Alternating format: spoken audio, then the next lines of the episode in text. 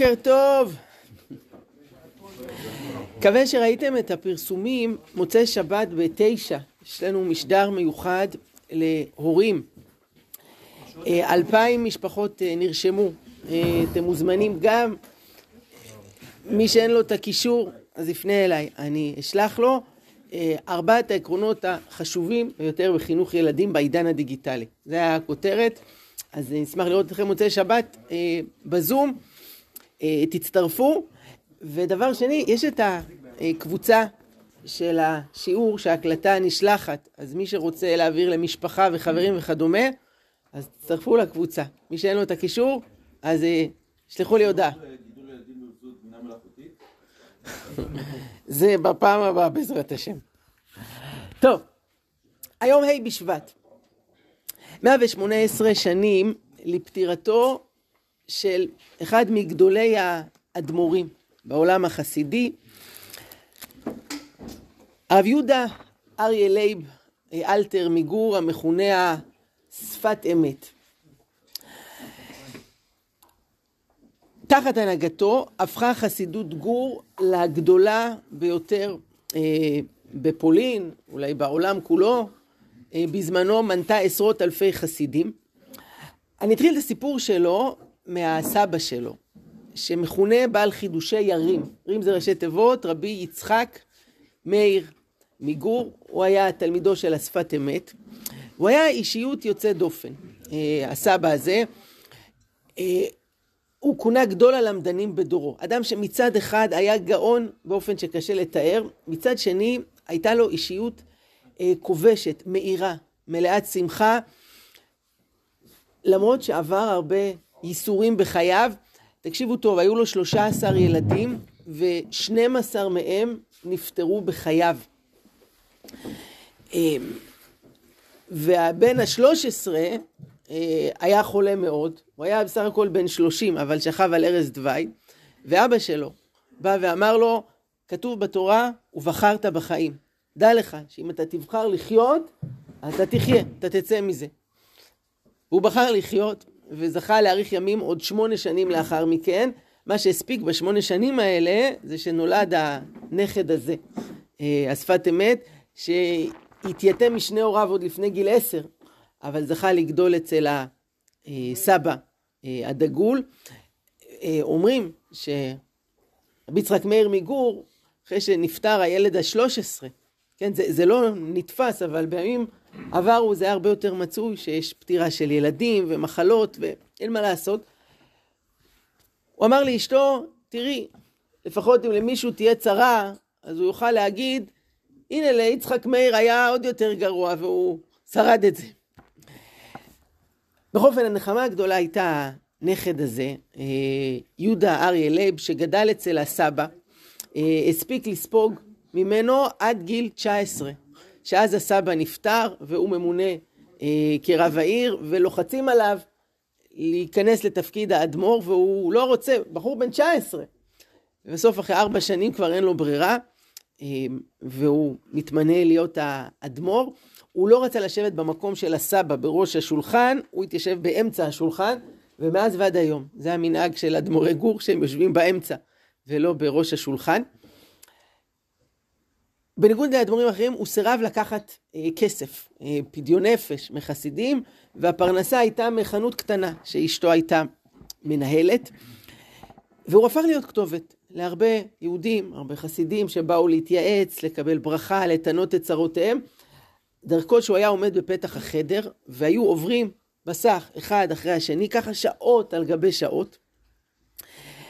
בשנת חייו האחרונה פרצה מלחמה בין רוסיה ליפן, ואלפים מהחסידים גויסו בכפייה לצבא הרוסי, והדבר הזה גרם לו עוגמת נפש אה, עצומה. מה? נשמע מוכר. כן, אה, לצערנו. והוא היה ישן על הרצפה, בוכה בצער, שטוף בדמעות, והוא נפטר אה, באותה שנה. היה בן 57 שנים בלבד. הספיר אותו, הספיד אותו אדמו"ר מסוכות והוא אמר, הרבי נפטר בגלל הצרות של עם ישראל. הלב שלו לא עמד בזה. אחרי ההלוויה, אז הבן שלו, רבי אברהם מרדכי פנה לאחיו רבי משה בצלאל ואמר לו, תשמע, אבא שלנו זכה לאריכות ימים. אמר לו, מה אריכות ימים? הוא לא הגיע לגיל 60 אפילו, זה אריכות ימים. אז הוא אמר לו, השנים שלו היו קצרות, אבל הימים שלו היו ארוכים. כמה שנים יהיה לבן אדם, זה לא בידינו. אבל שהימים יהיו ארוכים, יהיו מלאים, יהיו אה, ממוצים, זה כבר נמצא בידיים של האדם, והוא זכה לחיים אה, ארוכים, במובן המהותי אה, של המילה.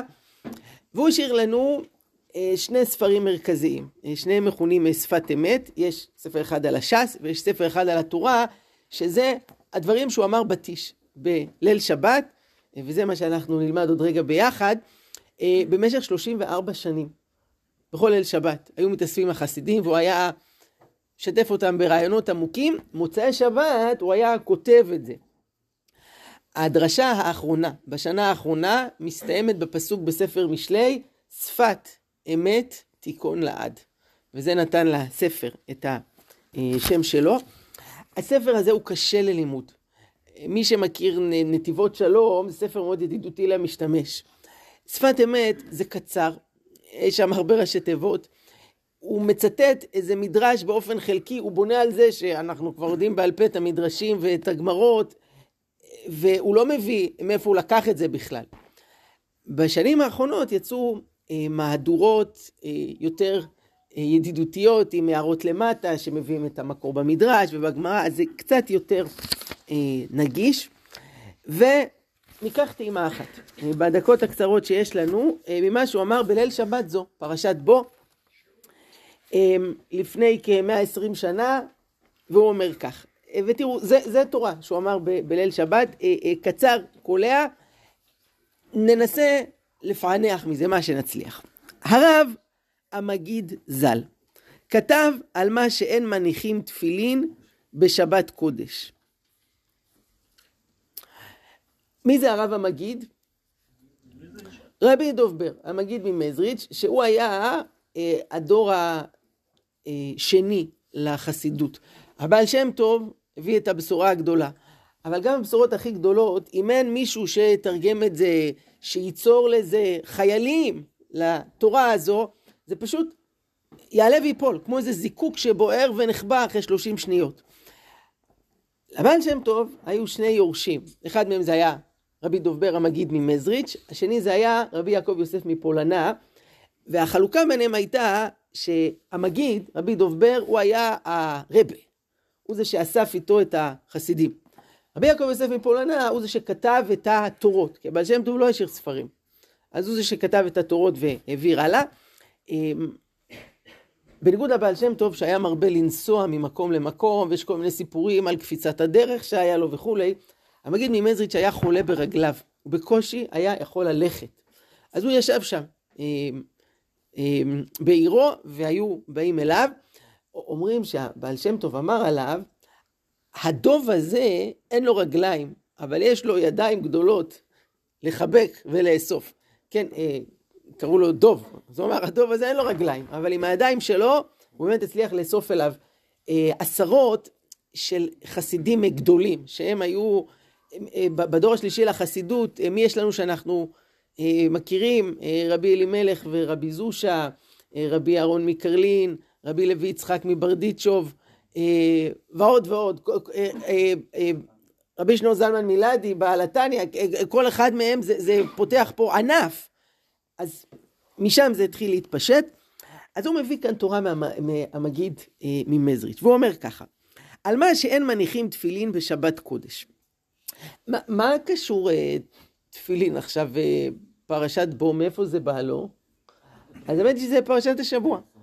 פרשת השבוע מוזכר אה, תפילין, שכל הדברים האלה שאתה מאמין, תעשה, מה תעשה איתם? וקשרתם לאות על ידיך ולא תפות בעיניך. למעשה הפרשה הראשונה אה, שיש בתפילין זה מפרשת השבוע שלנו, זה האזכור הראשון של תפילין בתורה. כידוע, תפילין מניחים בימי חול, אבל אין מניחים תפילין בשבת. אה, למה? לא היה ראוי בשבת קודש, כולנו נהיה עטורים בתפילין. למה לא מניחים תפילין בשבת?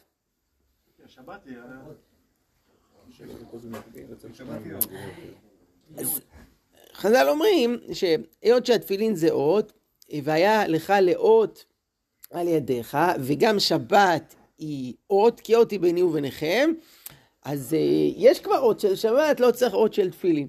אז זה האמירה, צריך להבין מה העומק שעומד מאחורי זה, אבל הוא אומר ככה, הרב המגיד כתב על מה שאין מניחים תפילין בשבת קודש, כי הרשב"ם פירש לתותפות כפשוטו, כמו כתבם על לוח ליבך, לזכור את אחדותו, יתברך ויציאת מצרים תמיד.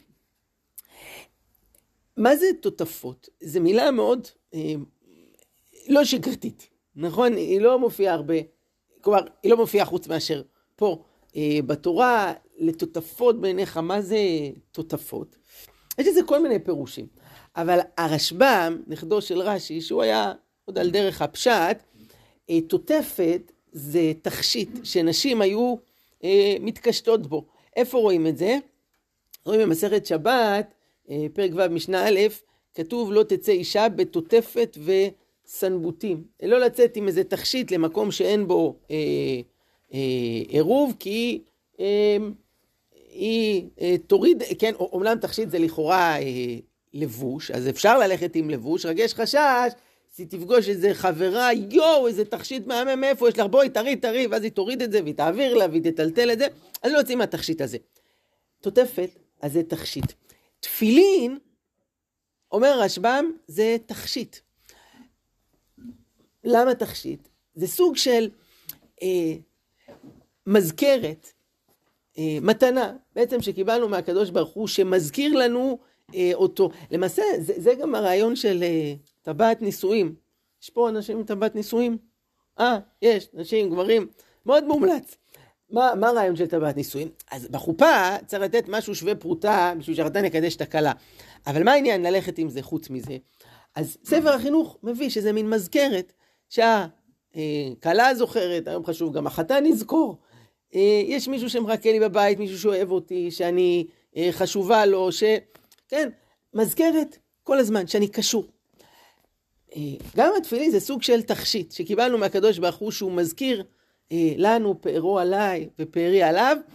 אה, את מה מזכיר? אז אומר הרשב"ם, נכון, אחדותו יתברך ויציאת מצרים תמיד. לזכור כל הזמן את אחדות השם, את זה שהוא הושיע, גאל אותנו ממצרים. אז כל זה ביום חול. אך בחול אינו יכול לבוא לזכירה זו אם לא על ידי מצווה גשמית. אבל בשבת קודש יכולים בלא זה לקיים מצווה זו. עד כאן דבריו. הוא אומר, בחול, כדי לזכור את זה, חייבים לעשות משהו גשמי. זה שבשבת אנחנו לא צריכים ללכת עם תפילין, כן, אז שבת היא בעצמה עוד וכולי, מה עומד מאחורי זה? הוא אומר, שבת, אנחנו במדרגה כזאת, שבה אנחנו כבר שם. אנחנו זוכרים, אנחנו מחוברים, אנחנו קשורים להשם. לא צריך את המעשה הטכני כדי לחבר. כי מה זה מצווה? מצווה זה איזשהו אקט פיזי שהבן אדם עושה, הוא אוכל מצה, הוא מניח תפילין, הוא נוטל ארבעת המינים, שהוא אמור אה, להשפיע, לחבר, לצוות אותו לקדוש ברוך הוא. אבל יש מצבים שאתה כבר כל כך מחובר, שאתה לא צריך. אמ, זה דרוש מה שאני אגיד עכשיו, אבל זה אותו רעיון. שמתם לב שבשבת עושים קידוש אה, פעמיים, נכון? פעם ראשונה בלילה, שזה הקידוש הגדול, יש בו ברכה. פעם שנייה, קידוש של הבוקר, קוראים לו קידוש הרבה. מה, מה זה רבה? גדול. גדול, אבל זה בלשון סגי נאור, כי הוא נורא זוטה. אין בו כלום, יש בו רק ברכה בורא פרי הגפן, וצריך להזכיר את השבת. אפשר להגיד על כן ברשם ושבת ויקדשהו, סברים הרענן, ברכה. מוסיפים פסוקים, אבל הוא, הוא קידוש קטן. איזה קידוש יש בסעודה שלישית? אין. כי אולי לא צריך. כשהשבת נכנסת בשביל להתחבר לשבת, מה אתה צריך? צריך לעשות עכשיו קידוש, צריך לעשות ברכה. שבת בבוקר אנחנו כבר בפנים, נכון? אפשר בקטנה להזכיר. סעודה שלישית זה לא סוף השבת, זה השיא של השבת. אנחנו כבר כל כך בפנים, לא צריך עכשיו קידוש, אנחנו מקודשים. אותו רעיון בהיבט אחר, אה, נשים פטורות ממצוות עשה שהזמן גרמה. למה? שזה כל מיני הסברים. אחד ההסברים הוא אני חושב שיש בזה אמת גדולה, שהם לא, האם זה בגלל פחיתות מעלתן, או שבדיוק ההפך, הן לא זקוקות למצוות האלה. כדי שהגבר יתחבר להשם צריך שלוש פעמים ביום, תפילה, מניין, להניח תפילין. האישה באופן טבעי היא יותר מחוברת. אה, רואים את זה אפילו בבריאה, שבעוד הגבר הוא נברא עפר מן האדמה, האישה כבר התחילה מנקודת פתיחה גבוהה יותר, נכון? היא כבר לא, מתוך אדם שהוא כבר ברור וחי נלקח חלק ומזה האישה מתחילה.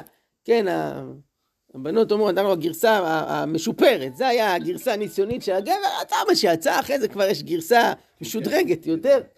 כן, זה היה יותר, גרסה משודרגת יותר. באמת מבחינה רוחנית, אני חושב שאפשר לראות את זה. אני פוגש הרבה בני נוער, בואו נגיד, קחו כיתה י"א אה, בנים בישיבה התיכונית, כיתה י"א בנות באיזה אולפנה, מבחינת רמת היראת שמיים, אה, חיבור להשם, אה, נטייה רוחנית שיש פה ופה, בגדול רואים שהבנות הן קומה מעל, זה שהן שנה לפני כן נהיות בנות מצווה, יש בזה איזה בשלות, איזה בגרות, נטייה ליותר רוחניות. תראו, בשבתות של הקיץ, כשעשינו פה שיעור למטה, לא נעים להגיד, מה היה היחס בין גברים לנשים מבחינה מספרית? היה בערך 80-20, 80 אחוז נשים, 20 אחוז אה, גברים ש, אה, שהגיעו, יש משהו רוחני יותר. וממילא, הפטור ממצוות עשה שהזמן גרמה, זה כמו הפטור בשבת מתפילין, הם כבר שם, פחות צריכות, אני, אני רואה את אשתי, היא מתפללת פחות זמן ממני, היא מתפללת uh, תפילה ביום כשהיא מספיקה וכולי. אשתי הרבה יותר צדיקה, אני, מה, מה לעומתה? כי, כי היא, היא, היא כבר נמצאת שם. כמובן, יש לאישה את עבודת השם שלה, את האתגרים הרוחניים שלה. אבל נחזור פה אל התפילין, אומר המגיד ממזריץ', ביום חול צריך מעשה פיזי בשביל להתחבר, להניח עלינו את התפילין. בשבת יכולים בלא זה. ודפחח אה, אה, זה ראשי תיבות, כן, זה גם משלי, דברי פי חכם חן, כלומר, אה, אומר השפת אמת, ממש, הוא אמר פה, אה, נפלא. והוא מסביר עוד מי שלא, כי באמת, זאת עיקר מצוות תפילין, לקשר החוכמה והמוח אל הגוף, כמו שכתוב לשעבוד, לשעבד, בזה תאוות ומחשבות ליבנו. תפילין, אנחנו מניחים בשני מקומות, נכון? יש את התפילין של ראש ויש את התפילין של יד. הראש, מה הוא מבטא? מה הראש זה המוח, זה החשיבה, זה הרעיונות, זה התורות הגדולות. יד, מה היא מבטאת? כן, אה, יד, וגם היד זה מונח על, ה, על הלב, נכון? על אה, ליבך, ש, ש, שזה החיים עצמם, זה, זה המעשים, זה ההרגשות. עכשיו צריך לחבר בין הדברים. הפתגם אומר שהמרחק בין המוח לבין הלב הוא יותר גדול מהמרחק בין הארץ לשמיים. יכול להיות אנשים עם הרבה רעיונות גדולים בראש, אבל בתכלס בחיים, מה? במה זה מתיישם? איך האדם מתנהג? והעניין של התפילין זה לקשור את הראש ביחד עם היד והלב, כלומר לחבר את הלמעלה ואת הלמטה, את הרעיונות ואת החיים. מוסיף עוד דבר שכתוב על תפילין, כתיב למען תהיה תורת השם בפיך. כן. כי ידוע שכל הפנימיות רוחו של אדם מתאסף אל הפה. והבל זה כולל כל האדם. וזה עצמו היה ביציאת מצרים, שם מקודם הדיבור בגלות, כדאיתא בזוהר הקדוש. על ידי יציאת מצרים היה יכולים להביא המחשבה והחוכמה אל הדיבור. כן, יש פה עוד נקודה, וזה המקום של הדיבור. הרי יש מדרגות של חיים, נכון? דומם, צומח, חי, איך קוראים לאדם? מדבר. מדבר. למה מדבר? אפשר להגיד הרבה דברים אחרים. אבל לא, הדיבור הוא זה שמבטא את היכולת של האדם לחשוב מחשבות, לא, להוריד אותם, למלל אותם, להוציא אותם אל הפועל. כשכתוב בפרשת בראשית, ויהי האדם לנפש חיה, אומר התרגום מה זה לנפש חיה? לרוח ממללה. כלומר, היכולת הזאת של המילול וה, והדיבור, ובמצרים הדיבור היה אה, בגלות. עם ישראל, היו להם אולי רעיונות, היו להם שאיפות, היה להם חלומות, אבל אי אפשר היה אפילו לדבר על זה. זה היה בגלות, זה היה כלוא בפנים. עכשיו אנחנו מבינים למה בליל הסדר, מה המצווה הגדולה? לדבר, לדבר. לדבר. והגדת לבנך, נכון? למען תספר, הדיבור הזה שהיה כלוא, כל החזון הגדול של עם ישראל היה תקוע בפנים, צריך להוציא את זה, לדבר, להוציא את זה החוצה.